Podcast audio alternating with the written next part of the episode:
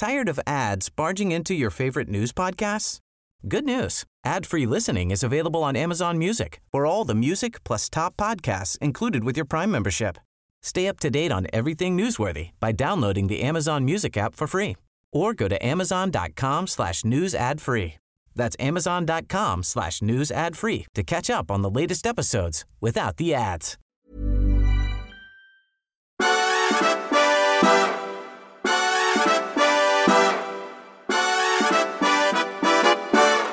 God morgon.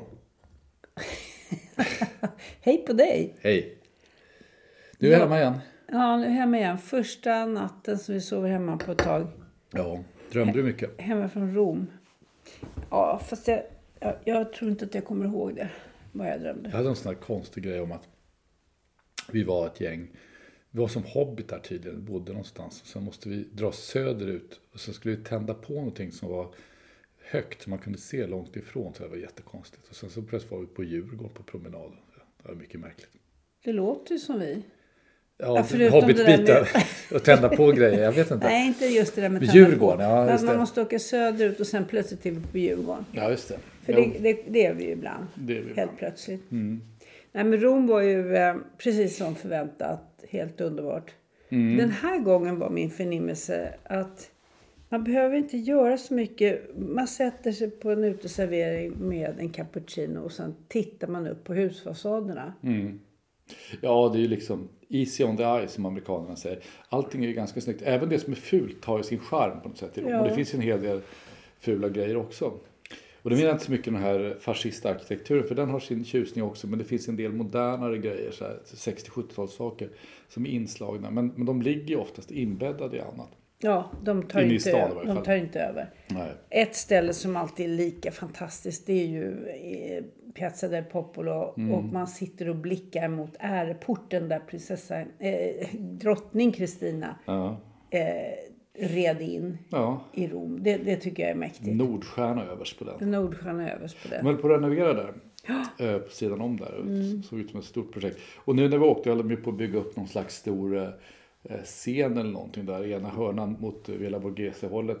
Ehm, Och det var väl antagligen någonting som har att göra med valet på söndag skulle jag gissa. Ja. För övrigt är de ju drabbade av precis samma plåga som andra stora städer. Turister. Maraton. Nej, ja. Maraton. Ja. Eh, Bara så att våra lyssnare inte kommer korrigera oss, de som vet mycket bättre. Jag slog att maraton är faktiskt i mars. Så det här var något nattlopp, något annat nattlopp. Ett Det var midnattsloppet i Rom eller något sånt där. Ja, fast det gick ju långt för midnatt. Ja, det gjorde det. Vi försökte det var... ta oss hem från Trastevere. Ja, just det. Och en av Roms bästa restauranger, Dateo. Ja, det. Ja. Men där fastnade vi. Eh, Ja, det gick, det gick väldigt långsamt. Men det var mest tjockisar som var ute och sprang, så jag tror det var en sån här motionslopp. Men det var väldigt Långsamloppet. Stor, långsamloppet, ja. Mm. Ja, nej men det var, det var trevligt. Men det är skönt att komma hem också. Ja, och sen får vi inte glömma att vi var på mässa hos Birgittinerna Ja, just det, det var vi också. vid Piazza Ja. eh, Farnese. Ja. Det, det, det har vi varit förut. Det är en ganska mäktig upplevelse, måste Ja. jag säga. Det är roligt, de sköt ju, nu vet jag inte om det här var en, eh, en, en, en jag tror inte det var en, en hel och full mässa egentligen, men det var ju någon slags gudstjänst. Det roliga är ju hur de eh, sköt ju stö, större delen själva i sin växelsång och eh, lite läsningar och sådär. Men sen till sist kommer det ju in en präst. Vi stötte på honom sen utanför kyrkan också. Han hade franska jeans och, och ett par Jumpadojor. svarta gympadojor. Man såg dem under, under särken han tog på sig när han gick in och gjorde det som prästen måste göra. Apropå klädsel så är det rätt intressant att se att det verkar finnas någon sorts frisedel för, Mm. för prästerna i Rom. De kan ha vad som helst på huvudet. Ja, just det. Så Ja, faktiskt. bakåtvänd keps och Ja. lite sådär. Vilket är lite tråkigt för när man går förbi de här affärerna. Den stora affären som, som sålde, eh, sålde kläder till kardinaler och, och, och präster och så. Som låg precis bakom, eh, eh, vad heter det? Du vet, mitt, Du menar Pantheon? Pantheon, ja precis bakom Pantheon. Eh, den verkade jag ha slagit igen eller flyttat någonstans. Mm. Det låg en mindre affär där. Men de säljer ju väldigt fina sådana här prästhattar av olika slag. Dels Berettas och sånt där. Men också de här Rundkulliga. rundkulliga, väldigt vidbrättade hattarna. Ja. Man- det är synd att de har lagt bort dem och använder amerikansk sportmössa istället. Men det ser ju lite kul ut samtidigt. Ja, det gör det. Det var överhuvudtaget mycket, alltså turister var mycket italienare tyckte jag. En del spanjorer och så amerikaner. Rätt mycket amerikaner Ja. faktiskt. Ja, rätt mycket amerikaner. De har det ju bra nu. De kan ju vara valutasvin. Dollarn är starkare Det unnar vi dem tycker jag. Ja, kanske. Fast det skulle vara kul att kunna vara det själv också någon gång. Mm. Nu är vi med så här, nu kan man bara åka till Sydafrika. Man kan bara åka till andra länder som är i total kris. Turkiet och Sydafrika. Så där. Du menar andra länder menar du, som Sverige då? Ja, som, precis. Som har dåliga, som har svag valuta. Ja. Ja, nej, men det, det är mycket som inte fungerar i Sverige. Nu är, är den här vaccinsamordnaren missnöjd med att Vi man... har vi en sån fortfarande? Ja, han är avgående. Okej. Han sitter- Men han, han passar på att skicka med att han inte är nöjd med det faktum att myndigheterna talar om för vuxna att de borde ta en fjärde spruta. Nej, han vill att de ska säga vadå? Han, ja, han tycker att de ska rekommendera Okej. vuxna att göra det. För att, eh, ja. Ja. Nej, men apropå svenska... Jag trodde de hade gjort det. Har de inte rekommenderat folk att ta Nej, de har tydligen inte gjort det. Nej, Själv har okej. tagit den femte. Hur har, hur har du det på den fronten? Jag minns inte. Jag tror att tre. Då Ja, är du som svensken i gemen. Ja, ja. Och jag mår ganska bra för tillfället. Ja. Just i det avseendet. Apropå svenska kaosområden Mm. eh, områden så måste vi ta en eh, rapport från... Eh, vår- Passpolisen. Ja! Ja. Viktigt meddelande till polisen. Det har nu gått nio dagar sedan jag kommunicerade med Thales, den internationella grupp som har köpt upp Svenska Pass AB eh, och eh, är ansvarig för att väntetiderna har börjat öka efter sommaren. Och jag fick ju ett svar från någon som heter Lynn Scott Walters på talesgroup.com. Eh, som bad mig att skriva mina frågor på engelska, det gick inte på svenska. Vilket jag omedelbart gjorde med vändande mejl. Men har fortfarande inte fått svar på frågan varför är det en eftersläpning i produktion av svenska pass? Och varför har den förväntade väntetiden för att få ett svenskt pass ökat mellan juni och september? Så frågorna kvarstår at talesgroup.com. Ja, just det. Det var en för, försokratisk filosof, matematiker. Ja. Och det hjälper inte det här Men fallet. det kanske är han som ska svara. Då, då, kan, då kanske det tar lite Det tid. kanske tar lite tid. Ja. Ja, eh, nej, men jag tänkte lite grann på det här med... Jag tänkte att vi skulle eh, säga några ord om Donald Trump. Eftersom det inte händer lika ofta som det brukade hända. Eh, Den här delstatsåklagaren i New York har ju nu bestämt sig för att inleda en civilrättslig process mot honom om, om eh, eh, ja, lurendrejeri helt enkelt. De har lurat till sig 250 miljoner dollar. Dollar. Påstår de. Ja. Och, eh, och det är ju ingenting som gör att man hamnar i finkan och har ju egentligen ingenting att göra med hans tid som president och så där, utan det är bara men jag tycker att det är rätt oroväckande det här. Alltså det, det, jag tvivlar inte på att han, eh, Donald Trump skulle kunna sitta i finkan och bli bötfälld för allt möjligt. Det är inte så mycket det. Men det finns ju någonting här som är ganska obehagligt. Om man börjar få känslan av att det, det finns nu liksom en... Ungefär som det var brev mellan Trump och journalisten. Att det nu liksom börjar finnas en vendetta mellan Trump och, och eh, de rättsvårdande instanserna i USA. Och det där är ju inte bra. Liksom. Det är ett sånt här tredje land-känsla eh, eh, man får av att gamla presidenter då ska vara föremål, jag vet inte hur många olika rättsliga utredningar han är föremål för. Den här, den här stora räden de gjorde på Mar-a-Lago till exempel har ju ännu inte ut utmynnat i någonting egentligen. Det har pratats väldigt mycket om hur allvarligt det var, det de hittade, så att säga. Men, men egentligen har det inte hänt någonting.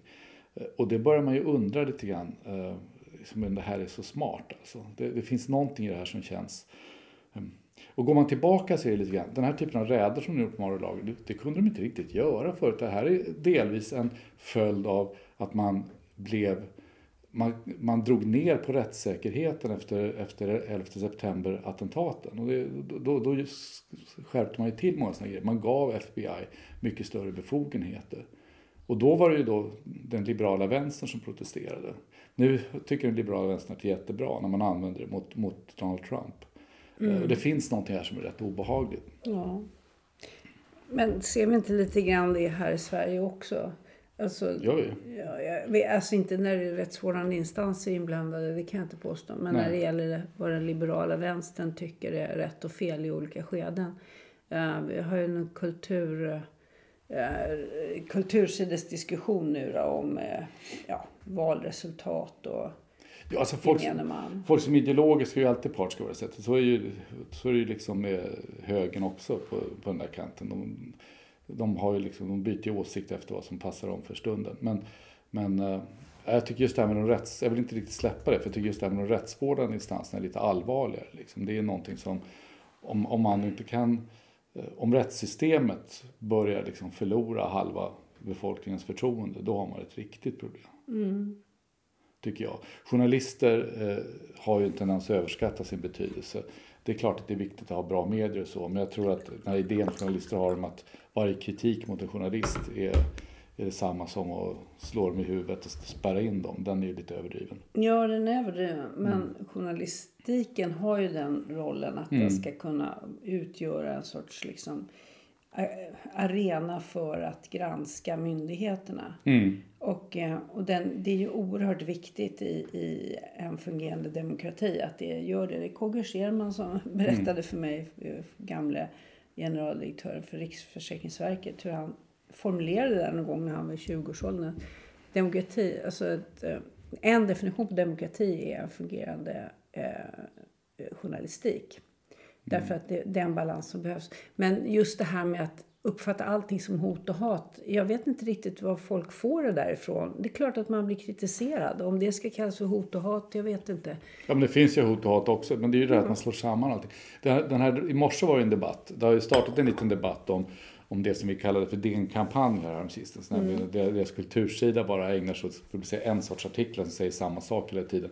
Och de hetsar upp folk något väldigt liksom att nu kommer demokratin att stupa och sådär. Um, det var ju någon som skrev, du skickade den till mig, det var någon eh, eh, ledarskribent på Borås Tidning va, som hade skrivit, mm. för Andre Walden hade skrivit då på ledarsidan i DN, hur ska vi tala med barnen om SD? Och det var mm. någon som skrev på det, hur ska vi tala med barnen om DN? Och det ligger mycket i det. För de, det ligger mycket i det. Är det några som skrämmer barnen så är det väl DN som ja. nu pratar om att allting kommer att gå till helvete.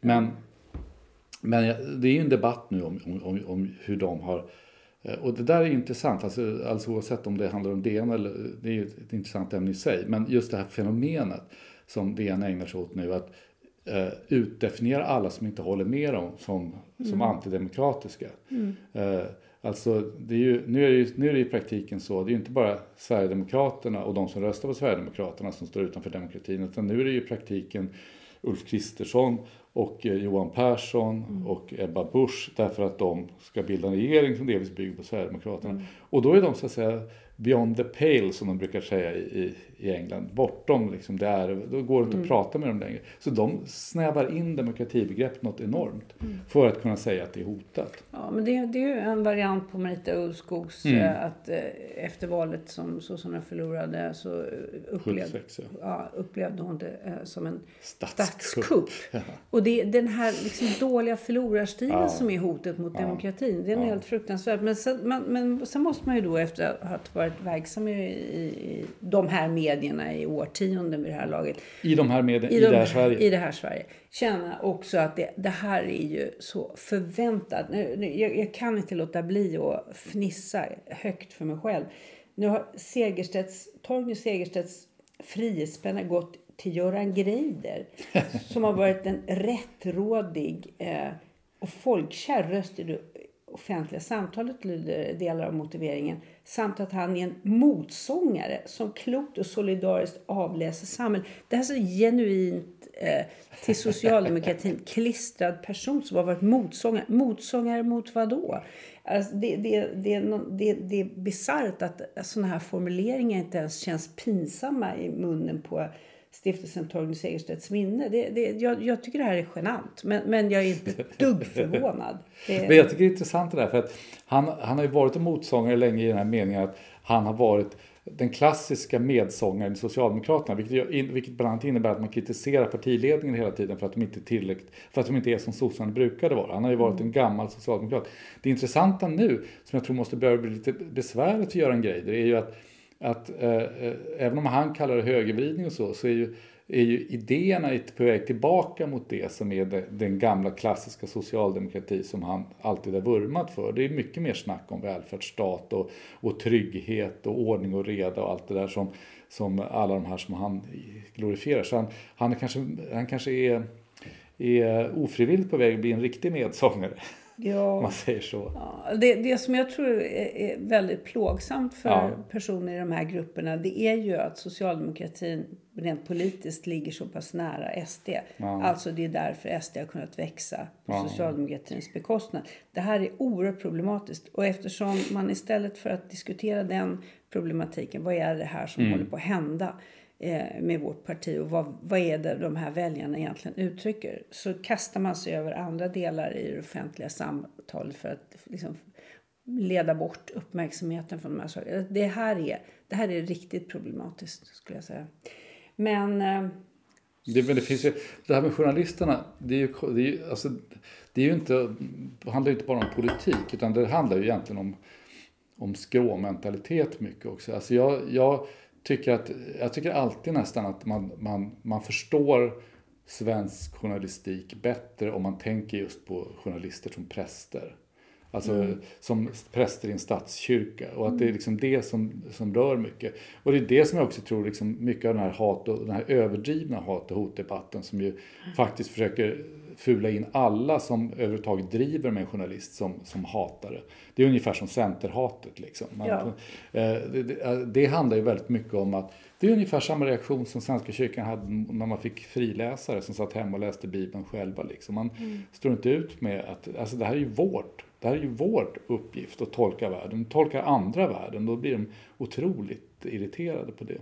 Det är det som jag tycker liksom har exploderat på DN någonstans. Det intressanta är att de är på väg att gå, alltså New York Times är fortfarande en bra tidning, men de har ju haft väldiga problem under Trump därför att de har då och då liksom gått in i en återvändsgränd där de själva blir spelande parter och deras, eh, deras snävhet i hur de ser världen blir ett hinder för dem. DN har ju liksom sett det här och nu gör de nästan of, utan förbehåll samma sak själva. Det är lite konstigt. Jag tycker Svenska Dagbladets chefredaktör Anna Karborg gjorde ett bra påpekande häromdagen. Hon skrev Ja. en text om det här med att ta ställning och farorna Ja, för journalistiken.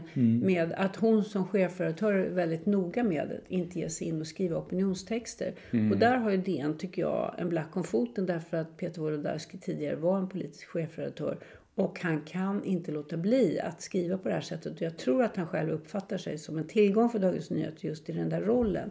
Men jag tror verkligen att det kan vara ett problem att inte kunna se, och det, så är ju det en redigerad nu, man vill inte se eh, farorna för eh, hur man beskriver världen med det här väldigt entydiga perspektivet. Utan man, man Ja. tycker att man, gör, man står på den goda sidan och det är livsfarligt. Men man kan väl skriva som chefredaktör utan att man tvingar alla andra att tycka likadant? Jag menar, Ja, det kan eh, man göra, men om man är opinion, kommer från opinionsbildarsidan så kanske det är svårt. Jag vet inte om det är det. Jag menar, det- många tidningar har ju haft chefredaktörer som har varit eh, opinionsbildare på det här sättet. Det betyder ju inte att, att de har haft eh, kulturchefer eller, eller eh, andra chefer på tidningen som tycker exakt Du, du menar att det finns andra brister där? Nej, alltså jag tycker inte bristen, jag tror inte grundproblemet är att Peter Wolodarski har en åsikt. Jag tror grundproblemet är att, att DN är på väg att bli en ganska insmanande sekt där man bara får tycka en sak om klimatet, man får bara tycka en sak om SD och allting är dessutom liksom uppskruvat till en otroligt mora, moraliserande och känslomässig ton. Det tror jag är problemet och det är klart att att det handlar dels om att agera i chefens anda, därför jag tror att det speglar Peter Wolodarskis inställning rätt mycket. Men, men jag tror inte det handlar så mycket om att han skriver, det handlar om att han är den han är. Ja. Det, samtidigt så är det så här, jag tror att de, eh, man behöver inte lura sig. Alltså jag tror att de, DN lyckas liksom eh, på något sätt ha fingrarna på pulsen. Det går rätt bra för DN. Jag tror det gör det därför att det finns en, det finns en, en, en gensvar. Folk i allmänhet är upphetsade. Så att de spel, kan ju spela på det. Men när det gäller just det där med att det är genomslag för den person man är så är Mm. det kanske så att man ska ha lite mer strikta regler för att det inte ska bli på det sättet. Men det är en ägarfråga så det, det kan inte Wolodarski Mm. Nej. nej, nej, han gör ju det han gör. Liksom. Det. Nej, vi måste säga någonting om Ryssland. Ja, just det. Ja, just det. Vi har ett grannland. Där, ett stort Ja, ja. grannland. Ja, ja, min, min känsla var i morse när vi, man tar del av det som händer i och sägs om vad som händer i Ukraina och Ryssland. Att antagligen är vi fortfarande precis lika dåliga på att förstå vad det är som händer som vi var innan kriget. Ja, ja, Så därför känner man sig bara mer och mer långt ut på isen. ja. En Bambi-känsla. Ja, det, det som är oroväckande är att så fort någon särskilt någon inifrån Ryssland säger någonting om Putin som liksom går ut på att han är tokig så, där, så, så är det som ett halmstrå. Alla börjar liksom famla efter mm. det där för att det skulle vara någon slags förklaring. Men, men, eh, nej, men jag tycker det är ju väldigt obehagligt det här som händer nu. Och eh, jag tror att, att, att just det här när han säger jag bluffar inte om kärnvapen och sådär. Jag vet inte, jag vet inte mer än någon annan hur man ska tolka det på ett korrekt sätt. Men det finns ju en sån här, jag kan ju få en sån här känsla ibland av, vet det här som de i USA brukar kalla suicide by cop.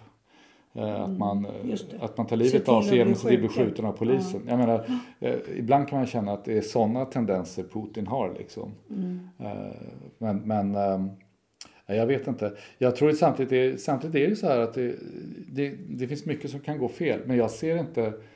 Jag tycker att alla de som säger att, att man kan inte man kan inte ge efter. Man kan inte göra något annat än att till, till, till, med nästan alla tillbudstående medel slå, slå tillbaka det här, tror jag har rätt. Jag tror att det tror finns initiativ. Sen så innebär det inte att det är en att det är en ofarlig väg. Men alla andra vägar är sämre helt enkelt. Det är en farlig väg och det som jag saknar nu är ju att man flyttar över det här till vad betyder det här för oss? Mm. För jag tycker att det är nästa steg och där tycker jag att, eh, att det där, där finns det väldigt få röster som pratar om mm. hur, hur kan vi förbereda oss för att det kommer att bli en väldigt lång kall vinter. Mm.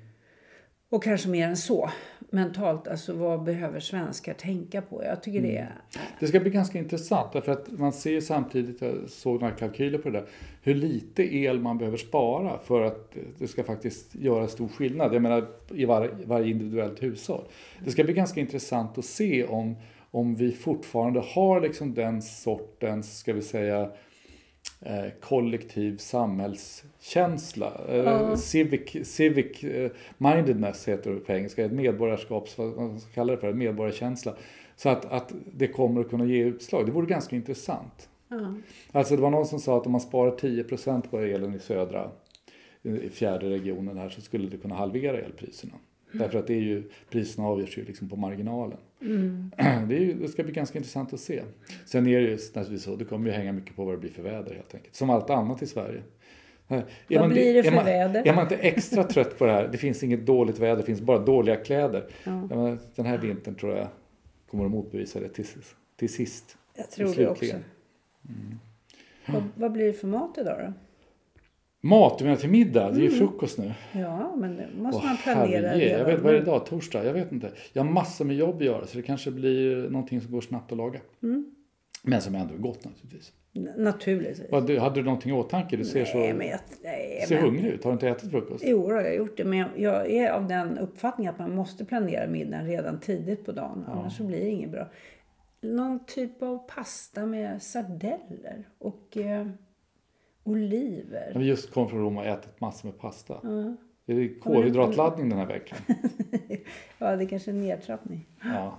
ja vi, får, vi får se. Vi får se. Vi kan, vi kan meddela senare. Vi gör det. Vi säger så. Hej då. Hej.